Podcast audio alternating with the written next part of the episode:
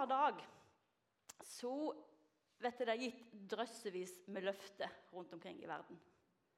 Vi gir løfter til hverandre, og jeg er sikker på at hvis vi hadde ført statistikk, så hadde det vært ganske interessant å se hvor mange av de løftene som aldri blir innfridd. Jeg tror det hadde vært en hel del som ikke blir innfridd. Eh, desember er jo høgsesong for løftelaging. Er det opp der jeg peker? Ned der. Der. Jeg skrudd den på? Å! Gamle dame og Hæ? Nå er den på. Sånn. Eh, det toppa seg liksom, det løfte, løftemakeriet de dagene før 31. desember. Da, da er tida for å gi løftet til oss sjøl. Vi skal stå opp tidlig. Vi skal helst sitte og lese i Bibelen og be og helst ha ei lang bønneliste. Så skal vi ete havrekli og grønnsaker til frokost. Så skal vi ut og jogge. Så skal vi være på lesesalen når lesesalen starter. Sant? Og vi skal i alle fall slutte med de der skippertakprosjektene der vi liksom ikke leser og jobber i løpet av semesteret, men siste uka rett på. Sant? Det skal vi slutte med. Så vi har en del sånne løfter vi gjør til oss sjøl i desember. Og så når desember er liksom den store løftemakermåneden, så er kanskje februar den store løftebruddmåneden. For da har det kommet så langt at uh,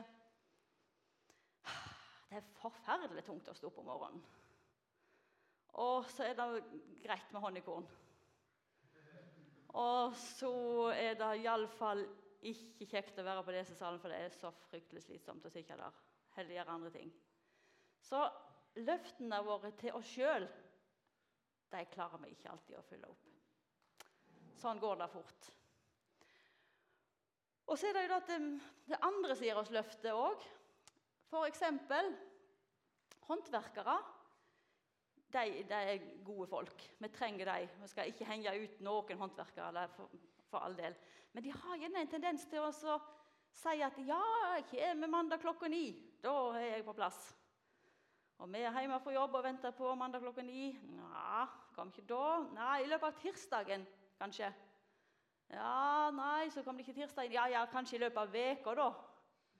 Så kommer de kanskje og stenger av vannet og reiser igjen. Dette her har ikke de noe erfaring med ennå, kanskje, men når de skal begynne å pusse opp hus, og sånt, så kan det skje. Beklager at alle håndverkere ser her. Det er ikke alle som er sånn. det kan skje. Håndverkere lover at de skal komme. Nei, så skjer det ikke sånn som det var tenkt. Og så er det en annen yrkesgruppe som har kanskje enda dårligere rykte på seg når det gjelder å holde løftet. Her er det snakk om at den store løftebruddregjeringen, sier Høyre, Jan Tore Sanner. Løftebruddregjeringen. Altså, er du i opposisjon, så har du masse penger å bruke. Da er det ikke måte på alt du kan få fiksa. Og så kommer du i regjering, i posisjon, og så ser du at hverdagen er ikke så lett. Det er mange krav. Og så vet du det løftebrudd på løftebrudd på løftebrudd. Så du folk skuffa. Det skjer stadig vekk. Og så er det da at de fleste som gir løfte, de gjør det av god vilje. Og vi sjøl òg. Vi vil så gjerne. Vi har veldig lyst å gi løfter til oss sjøl, oppfylle de, de som gir oss løftet, tenker ja, det skal vi få til. Det skal gå bra. Men så klarer vi det ikke. Vi har vilje, men så har vi ikke alltid evne til å gjennomføre det som vi hadde tenkt. Jeg vet ikke om det kjenner dere igjen, men jeg kjenner meg i hvert fall igjen i det. Vi vil masse mer enn vi får til. Så hva er det da vi kan stole på i denne verden av på en måte evneveike folk? Vi har ikke evnen til å klare å fylle opp løftene. Det har kanskje ant at svaret, hva svaret kan være. Det er altså et klokt menneske som har sagt at Gud oppfyller ikke alle våre ønsker, men han holder alle sine løfter. Er det noe som er fast, står fast, så er det det som Gud sier til oss. Han sier bl.a. da Himmel og jord skal få gå, men mine ord skal aldri få gå. Og dette sier han som Oi sann, opp. Som ikke kan lyge. Med løfte og ed, to ting som ikke kan forandres, og Gud kan ikke lyve, skulle vi ha en mektig trøst, vi som har søkt tilflukt ved å gripe det håp som ligger foran oss. Han som ikke kan lyge. Han kan ikke. Vi kan ikke holde løftet, vi klarer ikke å holde løftet, men Gud kan faktisk ikke bryte løftet. Han kan ikke lyge. Han er det vi kan stole på i en omskiftelig verden der ting forandrer seg og ting ikke vet det sånn som vi hadde tenkt, verken i forhold til oss sjøl eller i forhold til de rundt oss. Og Gud, han har altså gitt oss mange løfter. Og så kan det av og til være sånn at det, det tar fryktelig lang tid, eller det ser så umulig ut, det som Gud har sagt til oss. Og en kar som heter Abraham, som jeg tror mange av dere har hørt om, som vi leser om i Gamle testamentet, han hadde iallfall fått erfare dette her. Han er et eksempel på en som hadde fått et løfte. Han hadde fått et løfte om at slekta hans skulle være så stor som sanden hav, med havet. Altså telle sandkorn eller stjernene på himmelen. Ja. Da hadde han fått løfte om så stor skal etterkommerne dine bli. Og så var han blitt 90 år. Hadde ikke skjedd noen ting. Han hadde ikke bånd engang. Så det var ikke så rart at han og kona kom på at ja, ja, vi får, vi får hjelpe Gud litt her. Så han gikk inn til tjenestejenta eh, tjenestejenta til kona og fikk barn med henne. For jeg tenkte vi må hjelpe Gud. Gud, dette her går ikke. Men Gud trenger jo absolutt ikke vår hjelp til å oppfylle sine løfter. Gud er mektig til å oppfylle dem sjøl. Og når, når eh, Sara var 90, og han var 99, så fikk de altså Isak. Og da står det at Når Gud hadde sagt det til dem, så står det at Sara lo. Og Isak betyr 'han som ler'. Eller var det ikke det? Han vil le. Og Abraham han fikk altså beskjed akkurat det samme som Maria hørte når hun fikk englebesøk i Nasaret. Hun fikk beskjed overfor Gud om at ingenting er umulig for Gud. Den samme beskjeden fikk Abraham. Det så kjempeumulig ut menneskelig sett. Dette her kan bare ikke gå. Men ingenting er umulig for Gud. Og faktisk i Romerbrevet så har Paulus et helt kapittel om Abraham. Der han viser til at han tror hans på løftet som Gud hadde gitt. Og Så skal vi lese en del av der, eh, kapittel 4 i Romerbrevet. Så Paulus refererer til Abraham der enda alt håp var ute, holdt Abraham fast på håpet og trodde, og derfor ble han far til mange folkeslag, som det var sagt han. Så tallrik skal ett av de bli. Han var da nesten 100 år, men han var ikke svak i trua når han tenkte på hans egen kropp var uten kraft, og at Sara var for gammel til å bli mor. Han var ikke vantru og tvila ikke på Guds løfte, men var sterk i trua og gav Gud ære for han var overbevist om at det Gud hadde lova, det hadde han òg makt til å gjøre. Derfor ble han regna som rettferdig. Vi kan stole på det Jesus gjorde for oss, er nok for å bli rettferdige for Gud. For dette det står i verset etterpå men det var ikke bare for hans skyld dette var skrevet. Det gjelder oss òg, står det. Vi skal regnes som rettferdige når vi tror på Han som reiste Jesus, vår Herre, opp for de døde. Han som ble overgitt til døden for våre synder og oppreist for at vi skulle være rettferdige. Det skal vi jo få lov å tro på. Det høres liksom så kanskje nesten litt sånn for enkelt ut. Ja, men kan det bare være så enkelt, da? At vi skal være tro på Jesus? Ja, sier Gud. På samme måte som Abraham stolte på Gud, at han kunne gjøre det han gjorde, så skal vi få stole på at det Jesus gjør for oss, er nok. Man kan lure på at ja, men er jeg en kristen egentlig? Hvordan kan, kan jeg vite det? Da skal vi få stole på det Gud sier at Jesus, det han har gjort for oss. Det er nok for oss. Kanskje går du rundt og venter på et løfte som skal bli oppfylt i ditt liv. Og Jeg har tenkt litt på det med å vente. Det står utrolig mange plasser i Bibelen om å vente. Og det passer oss ganske dårlig. For vi mennesker vi er, jeg tror vi er utålmodige av vesen. Det er litt forskjell på oss. Noen er mer tålmodige enn andre. Men vi vil at ting skal skje fort. Jeg tenker at hvis, når vi, vi er som Bodden, på en måte. Hvis Bodden hadde fått mulighet for å åpne alle pakkene 1.12., så hadde de gjort det. Sånn å vente og vente og vente, det er veldig vanskelig for oss. Og Sånn er det kanskje med at du har denne, Tenk på et løfte, og så tenker du ja, men hvorfor skjer det ikke da? Hvorfor gjør ikke Gud noe?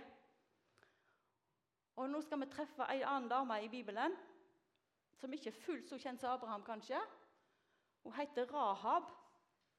Og hun hadde, er ikke sånn dame som vi holder fram som et eksempel i kristne sammenhenger, for hun var faktisk prostituert. Og hun bodde i Jeriko og var hedningedame. Og så skulle israelsfolket de skulle innta Israelslandet.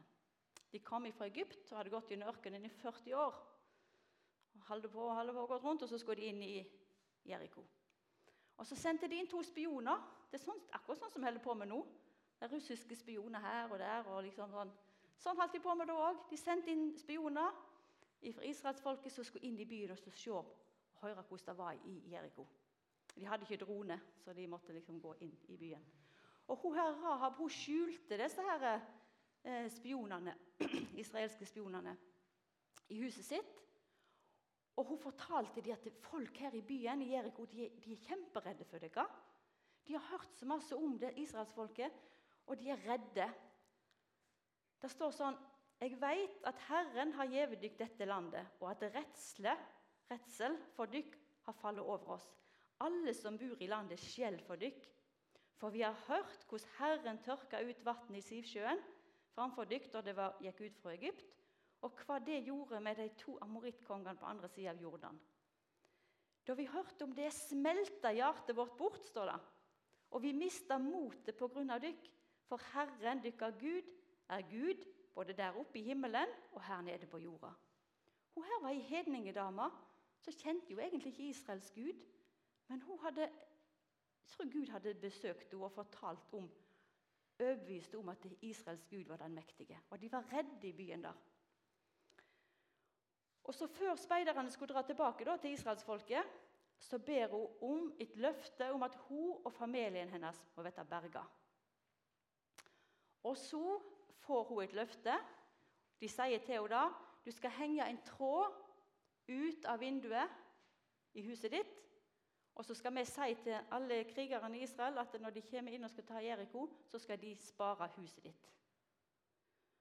Og det gjorde hun. Hun hengte inn rød tråd ut av vinduet. Og Så samla hun familien sin i huset. Og så vet vi hvordan eh, israelsfolket gikk rundt Jeriko. Og De blåste i trompeter, og byen raste sammen, og de inntok byen. Men hun og familien ble berga. Og jeg har tenkt på hvordan i vide verden var det å være inne i det huset til Rahab. Så hadde hun samla familien rundt det. Og så hørte de at eh, krigerne kom og så var det sikkert noen som tenkte dette her, dette her er ikke trygt. Vi må, vi må, rømme herifra. Det er jo bare en rød tråd som henger ut av vinduet. Altså, Man snakker om at det er håp i hangende snøre. Men eh, en rød tråd, kan da frelse oss? Noen som tenkte sikkert 'Hallo, Rahab, du er så naiv'. Kan du virkelig tro på da at de vil spare oss bare pga. en rød tråd? Det var sikkert mange slags tanker inni det huset. Men det var nok til at de ble berga. For at hun stolte på at det Gud hadde sagt og lovt, da var han mektig til å holde. Og Det kan se litt sånn spinkelt ut, Guds sine løfter. Er det noen her som klatrer, f.eks.? Ja. Altså, Da henger de i en sånn her Det er ikke, det er ikke veldig tjukk tråd. Tau. Tråd. Ikke tråd. Jeg strikker, jeg, så jeg har med tråd. Tau. Det er jo veldig tynt i forhold til deg. Men du stoler på at ja, ja, da holder dette her tauet her. Og tenk på den tråden som bare hang ut av vinduet. Tenkte de, Er det nok? Det var nok. Når Gud har sagt det, så er det nok. Når Han har sagt noe til oss, da skal vi få stole på det. For Han er til å stole på. Og Gud han har gitt oss løfte om ikke å De ble berga fra døden i Jeriko. Men Gud har sagt at han skal berge oss ifra den evige død. Gud har sagt at han skal berge oss hvis vi holder oss nær til Jesus. Og han som herre i livet vårt og frelser i livet vårt, så er det nok for å bli berga. Så kan det hende at vi tenker at det er, det er nok. Det er litt puslete.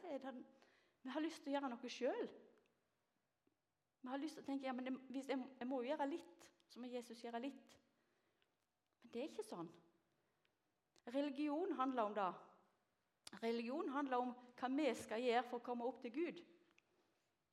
Men kristendom handler om at Gud kom ned til oss. Det er helt motsatt. Opp-ned, synger vi på en sang på søndagsskolen. Guds rike er opp-ned. Det er ikke at vi skal streve oss opp til Han, men at Han kom ned til oss. Og da holder det.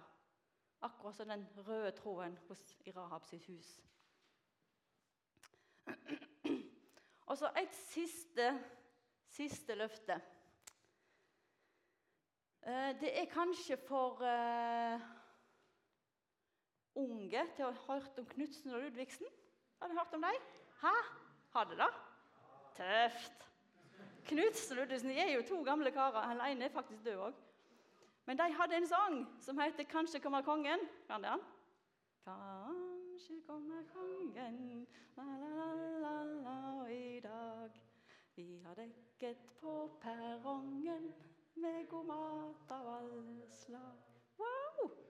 Vet du hva, jeg tenkte at Det er ofte sånn når vi blir eldre, så tenker vi at eh, alle kjenner til de tingene vi kjenner til. Ingrid Espelid og sånt, f.eks. For det var En gang jeg snakket om henne, så de bare sto og så på meg. Jeg tenkte å ja, her har årene gått. Så bra at de kjente Knutsen og Ludvigsen. Kanskje kommer kongen. Men så har jeg siste verset er Kanskje kommer han ikke. All vår oppdekning til tross. Men det gjør ikke så mye, for da blir det mer til oss. Sant? Ja. Så, men vi kan ta vekk Kanskje kommer kongen. Vi kan si at kongen kommer. Vår konge kommer. For det står òg skrevet. Det står sånn i apostelgjerningene da han hadde sagt dette, ble han løftet opp med de så på, og ei sky tok han bort fra øynene deres, altså Jesus, reiste til himmelen. Som de sto og stirra opp mot himmelen da han for bort, sto det med ett to menn i hvite klær framfor dem. Og de sa, 'Galileere, hvorfor står dere og ser opp mot himmelen?' Denne Jesus som var tatt bort fra dere opp til himmelen, han skal komme att på samme måten som de så han føre opp til himmelen. Jesus har sagt at han skal komme igjen. Og det er mange som tenker ha-ha-ha, ja. Det har gått lang tid nå.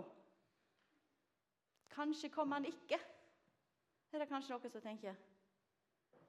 Men når Jesus har sagt at han skal komme igjen, så kommer han igjen. Da skal vi være helt sikre på. Han kan fortsatt ikke lyge. Så det er et løfte han har gitt oss. For kongen vår kommer tilbake og skal hente sine barn hjem til seg. Og i hans hus der er det rikelig med plass. I morgen så skal pastor Frank snakke om far har rikelig med plass på gudstjenesten her. For da er det fra Johannes 14 at han skal gå og lage rom til oss. Han skal lage rom til oss, så vi skal få være hos han alltid. Og han har sagt det, og han kan ikke lyge. Og de rommene som han skal lage, det skal fylles med mennesker fra alle folkeslag. Alle tungemål og alle folkeslag skal få plass i huset hans. Mens det er det mange som ikke vet om det ennå. De regner med at 3,2 milliarder mennesker fortsatt er unådde for evangeliet. Har fortsatt ikke hørt at det er rom har fortsatt ikke hørt at det er en som er til å stole på, så har jeg ikke hørt da at syndene deres er tilgitt, og de kan komme til himmelen uten å måtte streve for det. De fleste lever i mørket, eller mange lever i mørket og tror de må streve for å komme opp til Jesus sjøl. Og I dag er det kanskje noen som hører det for første gang. Jeg jobber i Norea, og vi jobber med å spre evangeliet via digitale medier rundt omkring i verden. Til de som ikke har hørt, som kanskje ikke har mulighet for å høre at ikke noen misjonærer kan reise inn. Så kanskje i dag er det noen som hører på radio eller ser på TV for første gang at Jesus skal komme igjen, at Jesus har kommet, og at han lager rom for oss i himmelen. Det er fint å tenke på, syns jeg. Og at vi kan få være med på å gjøre det sånn at enda flere i vår tid, i den tida vi lever, så skal det tallet på 3,4 milliarder bli mindre. Skal vi be. Jesus, takk for det at eh, du er til å stole på.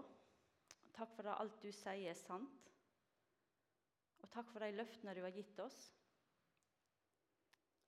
Jesus, du har gitt oss så mange mange løfter, og du er mektig til å oppfylle dem alle sammen. Du ser vi kommer til kort. Vi klarer ikke engang å oppfylle løftet som vi gjør til oss sjøl.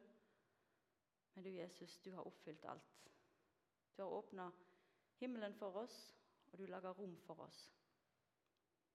Jesus, vil du hjelpe oss til å fortelle om deg, sånn at det, det må vite, ikke stå ledige rom i ditt hus, Jesus. Og så mange, så mange som mulig må bli frelst. Jesus, vil du gi oss visdom og mot til det.